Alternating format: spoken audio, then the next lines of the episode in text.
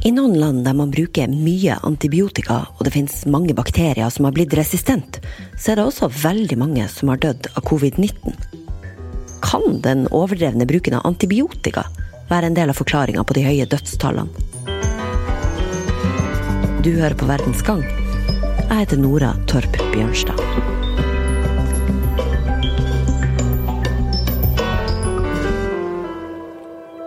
Det er nærmest for et supervåpen å regne, antibiotikaen som tar knekken på smertefulle og farlige bakterielle infeksjoner. Men vi mennesker har blitt så glad i denne effektive løsninga på sykdom at vi har brukt det oftere enn det egentlig trengs. Og det blir et problem, fordi hver eneste gang vi bruker antibiotika, så gir vi bakterien en ny mulighet til å bli kjent med medisinen og lære seg den utenat, sånn at bakterien til slutt kan overvinne medisinen. Dermed kan bakterielle infeksjoner plutselig bli dødelige igjen, sånn som de var for 100 år siden. Og en del kirurgiske inngrep, kreftbehandling og transplantasjoner kan bli umulig å gjennomføre. Verdens helseorganisasjon anser nå økninga i resistente bakterier som et av klodens største helseproblemer. Og når vi står midt i det at selve våpenet mot mange sykdommer nå svekkes, så trues vi av en pandemi som gjør at flere sårt trenger nettopp et middel mot stygge infeksjoner.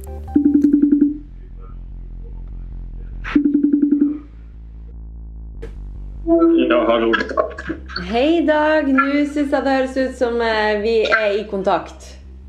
Ja. Ja, nydelig. Veldig bra.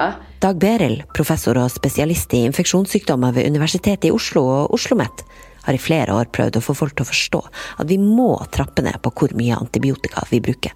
Hvor mye har koronapandemien forverra situasjonen med antibiotikaresistens globalt? Ja, det er, det er litt tidlig å uttale seg om, fordi vi har ikke tallene ennå. Men det er ingen tvil om at uh, den har forverra resistenspandemien. Fordi at det fører til økt antibiotikabruk både i sykehus og unødig antibiotikabruk utenfor sykehus. Her hører du at Dag bruker ordet pandemi om antibiotikaresistensen. For han og mange andre medisinske forskere med han mener at antibiotikaresistens det er enda farligere for menneskeheten enn korona. Men det er ikke alltid lett å nå frem til folk med den beskjeden. For når verdens mektigste mann snakker om at han tar malariamedisin bare sånn i tilfelle, og vi vet at den medisinen som regel skrives ut sammen med en antibiotikakur, ja da But I get a lot of tremendously positive news on the hydroxy, and I say, hey, you know the expression I've used, John? What do you have to lose? Okay, what do you have to lose? So I have, been, I have been taking it for about a week, for about a week and a half. Every day. At some point, every day, I take a pill every day. You had no symptoms, sir. Zero symptoms. No, I haven't had any. No, I tested. We I test every couple of days. They want to test me, you know, for obvious reasons. I mean, I am the president. Ja, det, det verste eksempelet på det er jo Donald Trump, som har promovert bruken av malariamedisin. Og så var det noen franske leger som mente at et antibiotikum som heter Acitromax, også kunne forebygge eller kurere eh, korona. Og det har ført til et uhemma forbruk av de to antibiotika eh, uten eh, det er noen som helst rasjonell grunn til det. Og det er helt klart med til å drive resistens. Men hva er koblinga mellom koronavirus og antibiotika? som jo er laga for å bekjempe bakterier. Jeg tenker at vi tar en fot i bakken med det helt grunnleggende først. Virussykdommer som covid-19 kan ikke kureres ved hjelp av antibiotika. Men allikevel så øker bruken av antibiotika verden over under koronapandemien. Så hvordan henger det sammen? Jo, for selv om ikke antibiotika virker mot virussykdommen covid-19, så brukes det ofte til å behandle komplikasjoner. En lungebetennelse forårsaka av virus, sånn som man ofte får av covid-19, det gjør oss mer sårbar for bakterielle lungebetennelser. Og en del av dem som blir innlagt på sykehus med covid-19, trenger dessuten respirator. Og når man bruker det, så er sjansen for en lungeinfeksjon veldig stor. Glimt av håp. Dødstallene går ned i Italia, men landet topper fortsatt dødsstatistikken. Italia-venn Dag Erik Pedersen forteller om grufulle scener. Det ligger gamle mennesker alene hjemme og dør uten tilsyn. Når, eh, når, de, når de, blir da oppsøkt, så har de kanskje ligget døde i flere dager. Så det er noen, det er noen skrekkens bilder. I slutten av mars så rysta Italia verden med ekstremt høy dødelighet av covid-19, som annet Dagsrevyen her rapporterer om. En annen ting som er spesielt med Italia, er den veldig lave terskelen for bruk av antibiotika. Italienske leger deler ut nesten dobbelt så mye antibiotika som leger i Norge. Derfor har landet en veldig høy forekomst av antibiotikaresistens, og mange italienere kan derfor ikke hjelpes av antibiotika hvis de er syke. Den høye koronadødeligheten i Italia kan skyldes resistente bakterier, meldte nylig medier over hele verden, også NRK her i Norge. Men vet vi det sikkert? Spørsmålet må gå til eksperten.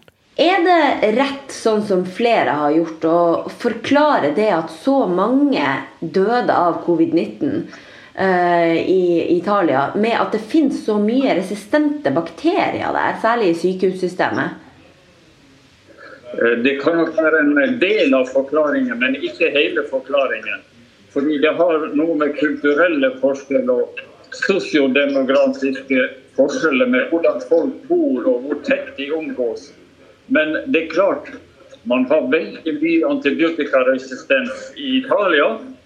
Og hvis man da får en, en lungebetennelse i kjølvannet av en, en covid-19-infeksjon, så er man dårligere stilt hvis det er mye resistens. Men fins det noe, noe, forskning på det enda, nå som ferskt etter korona? Ja, og det er publisert ca. 20 artikler hvor man ser på antibiotikabruken ved covid-19. Og det viser seg at mellom 50 og 100% av pasientene som blir innlagt på sykehus, får antibiotika. Og det fører selvfølgelig til uh, mer resistens. Hmm. Men det her er vel eh, Vil du si at det av og til brukes i tilfeller der man ikke trengte det, også når folk er syke av covid-19? Ja, men det er forferdelig vanskelig å finne ut av hvem som trenger det og ikke trenger det. Fordi en lungebetennelse av covid-19 og en vanlig bakteriell lungebetennelse det kan ligne på hverandre. Mm. Og da gir man ofte antibiotika som å si, for sikkerhets skyld hvis det nå skulle være en kompliserende bakteriell betennelse. Mm. mm. Hvorfor eh, gjør man ikke mer undersøkelser på å finne ut om det virkelig er en bakteriell lungebetennelse, sånn at man kan være på den sikre sida at man virkelig trengte denne antibiotikaen før du brukte den? Jo, man gjør nok en del uh, for å finne ut om det er bakterie eller virus som gir lungebetennelsen. Eh, og normalt når pasientene ligger på sånn pustemaskiner, så går vi ned med en kikkert i lungene. Og så henter vi opp materiale som vi kan finne ut av hvilken bakterie det er, eller hvilken virus. Men det er litt vanskelig eh, ved covid-19-pasienter fordi det blir en del sprut. Og kan godt, man kan godt forestille seg at helsepersonell lettere blir smitta under sånne prosedyrer. Mm. Så, så, det er ikke så enkelt. Og Dessuten er det veldig ofte stort press på intensivavdelingene, sånn at leger og sykepleiere er stressa. Og så er man i tidsnød, og så starter man å behandle. Altså. Better safe than sorry. Sånn er det dessverre. Det de kaller realiteten.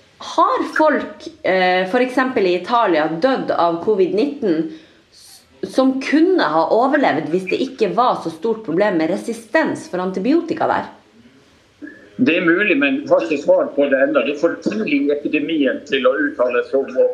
Legene i Italia har jo hatt mer enn nok med å få folk til å overleve, så publikasjonene kommer nok etter hvert på, på det feltet her. Men hva med Norge, da? Er det en trussel for helsa vår at det brukes altfor mye antibiotika i andre land? Ja, det er helt sikkert at vi kan ta med oss resistente bakterier fra land med høy forekomst av resistens. Det har vi sett mange ganger, og det er også norske studier på det. Hvis du f.eks. kommer hjem fra Østen med diaré, så har du ca. 50% sjanse for å ha med en resistent bakterie i tarmen. Og Det er jo ikke sikkert du blir syk av det. Du kan være bærer av en resistent bakterie.